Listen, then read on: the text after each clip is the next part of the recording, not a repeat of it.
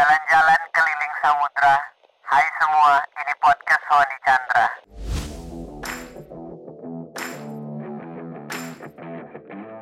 Wah, gila antusias lu semua di podcast pertama Gua nggak nyangka baik banget Terima kasih, terima kasih, terima kasih guys Wah Oke, sekarang gua mau nanya sama lu semua Siapa di sini yang ingin sukses?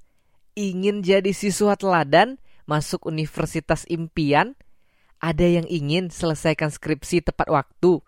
ingin kerja di kantor impian, jadi pengusaha, jadi penyanyi, jadi selebgram, punya bisnis makanan atau minuman, jualan online, ada yang ingin punya berat badan ideal, punya kemampuan tertentu dan bisa berkarya, liburan ke luar negeri, rumah, mobil, gadget impian atau apa pun itu. Pasti semuanya akan jawab saya. Tenang, gue juga gitu. Nah, gue tanya lagi, lu ingin atau benar-benar ingin? Gua tahu lu pasti akan jawab benar-benar ingin lah bro. Gila lu siapa yang gak ingin coba? Nah, ayo kita tes dalam bentuk cerita dari salah satu penulis favorit namanya Robert Collier. Di bukunya, beliau membagikan dongeng lama dari negeri timur. Sekarang, lu tenangkan pikiran, rileks, cari tempat untuk duduk, tarik nafas yang dalam, dan lu pejamkan mata. Bayangkan lu mempunyai seorang guru yang sangat bijaksana. Dan suatu ketika, guru tersebut ngajak lu pergi ke sebuah pantai. Sesampainya di sana, lu dan guru lu menggunakan perahu mendayung hingga ke tengah laut. Saat sudah sampai di tengah dengan kedalaman 300 meter, sang guru meminta lu untuk berdiri dan menghadap membelakanginya. Sudah? Tiba-tiba ia mendorong lu dengan kuat dan lu terjatuh tenggelam ke dalam laut. Lu berusaha agar bisa naik ke atas dan menggapai perahu tersebut. Saat lu muncul ke permukaan, tanpa memberi lu kesempatan untuk bernafas, guru lu dorong lu lagi dengan kuat dan kali ini lu mencapai bagian yang lebih dalam dari sebelumnya. Lu benaran udah kehabisan nafas, lu berusaha naik lagi ke atas dan berharap sang guru akan menolong lu. Saat muncul di permukaan, akhirnya sang guru mendorong lu sekali lagi dengan lebih kuat. Dan lu benar-benar sudah tidak tahan karena kali ini lu kehabisan tenaga untuk naik ke atas permukaan. Dan itu terasa sangat jauh di atas lu, samar-samar gitu ketika lu lihat langit biru. Lu tarik terus tangan lu ke atas, lu dorong kaki lu ke bawah menekan air sekuat tenaga, lagi-lagi dan lagi hingga akhirnya tangan lu mencapai pinggir perahu tersebut. Lu sudah setengah sadar tuh dan guru lu menarik lu ke atas perahu, memulihkan pernafasan lu sampai akhirnya lu kembali sadar dan sang guru bertanya kepada lu, "Apa yang paling engkau inginkan di atas segalanya sebelum aku menarikmu?" Dan lu jawab, "Guru, saat itu untuk pertama kalinya dalam hidupku, tidak ada yang kuinginkan selain udara agar aku bisa bernafas." Kalau begitu, biarkan ini menjadi ukuran keinginanmu terhadap apa saja yang untuk mendapatkannya engkau bersedia mencurahkan seluruh hidupmu. Satu keinginan yang membuat keinginan lain hanya lilin kecil jika dibandingkan matahari. Baiklah guru. Dan sekarang lu boleh buka mata. Apakah lu masih ngerasa yang lu inginkan sebelumnya sudah seperti orang yang tercekik dan butuh udara? Atau seperti seseorang yang tiga hari tidak makan dan butuh makanan? Seperti seseorang yang tidak minum 24 jam dan butuh air? Seperti seorang ibu yang melakukan segala cara untuk melindungi anaknya dalam bahaya? Gua dan lu gak akan sepenuhnya menyadari ukuran keinginan yang dimaksud dalam dongeng ini, kecuali kita menggunakan imajinasi untuk merasakan sendiri bagaimana saat kita ditenggelamkan. Coba ingat, pernahkah lu benar-benar ingin sesuatu? Banyak orang yang bahkan dari kecil sampai sekarang gak sadar pernah punya ambisi atau sudah tumpul karena lama tidak digunakan mungkin sudah terkubur.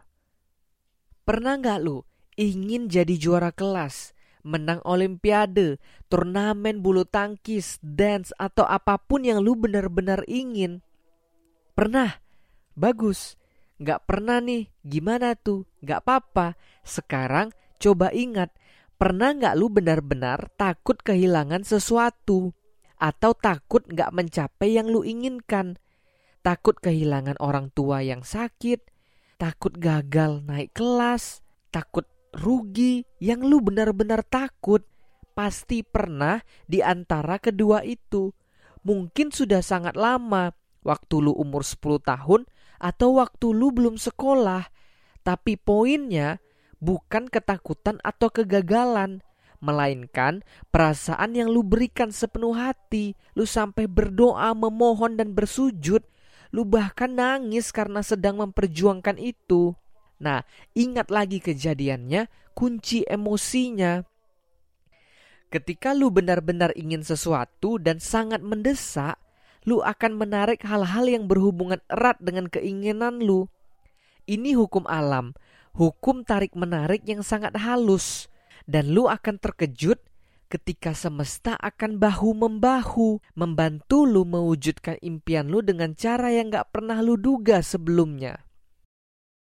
Gua juga tersadarkan ketika gua melakukan visualisasi ini bahwa keinginan yang benar-benar ingin udah lama banget.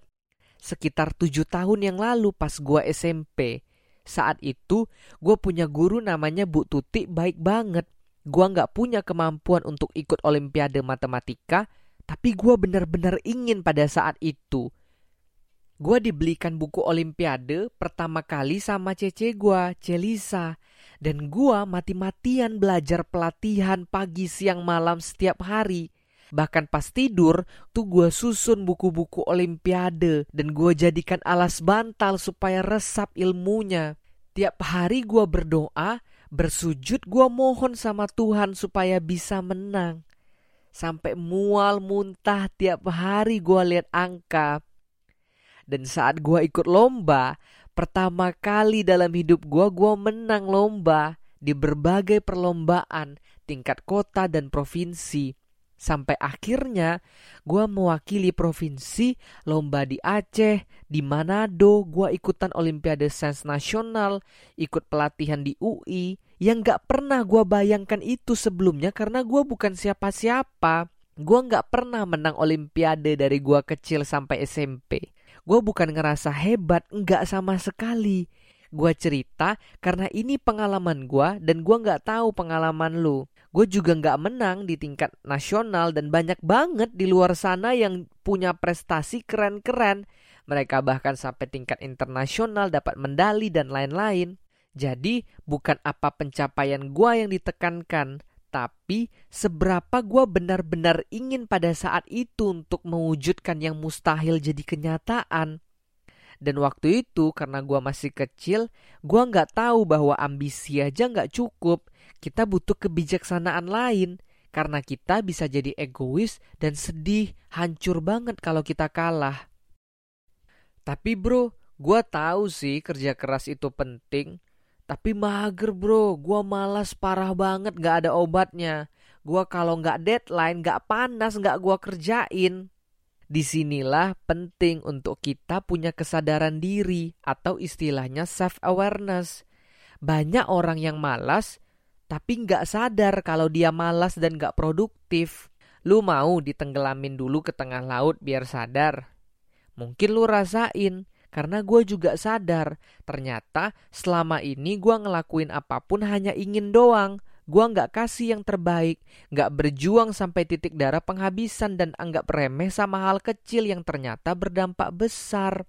Gue yakin kita semua terlahir dengan ambisi, namun tertidur karena tidak pernah digunakan, dan ia sedang menunggu untuk kita bangunkan setiap saat. Terus, bro, gimana kalau gue terlalu ambisius sampai nggak peduli sama orang lain?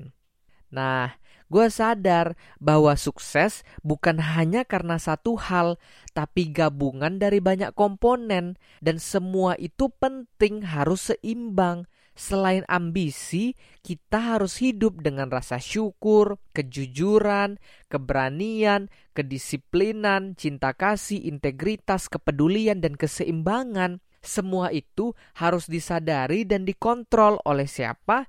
Ya, oleh kita sendiri. Fokus sama yang bisa kita kontrol, yaitu pikiran, ucapan, dan perbuatan kita. Pastikan kita berada di jalan yang benar yang nggak bisa kita kontrol, ya udah lepasin aja, karena kita nggak akan pernah bisa kontrol orang lain. Gue juga belajar bahwa semua orang sukses di dunia punya satu kesamaan, yaitu kegigihan. Bukan berarti bahwa jalannya akan mudah, tapi karena mereka benar-benar ingin, mereka akan selalu melewati segala rintangan yang ada karena mereka sadar mereka harus bisa dan gak ada jalan lain selain berjuang mati-matian.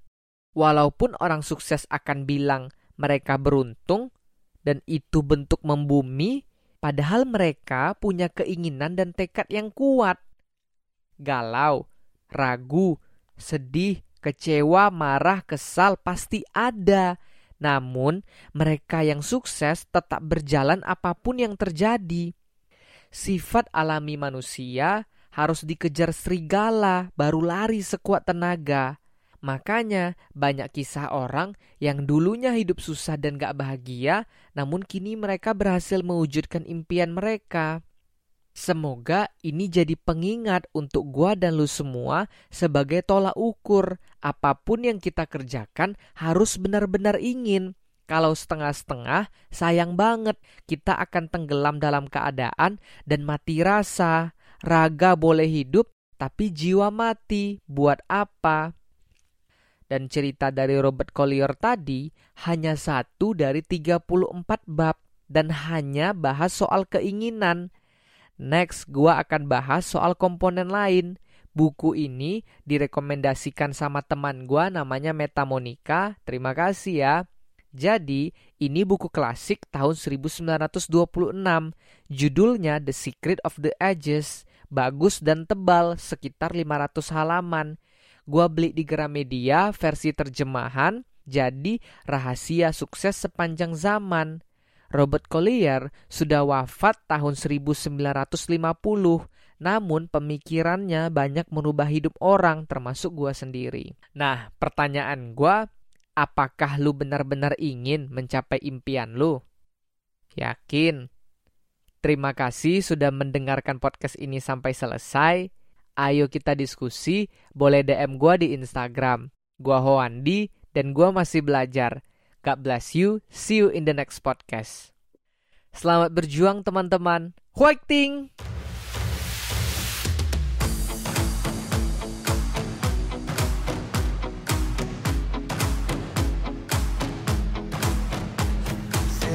시작은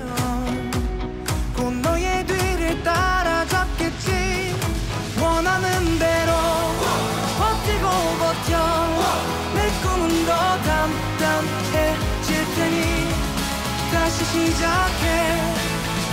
아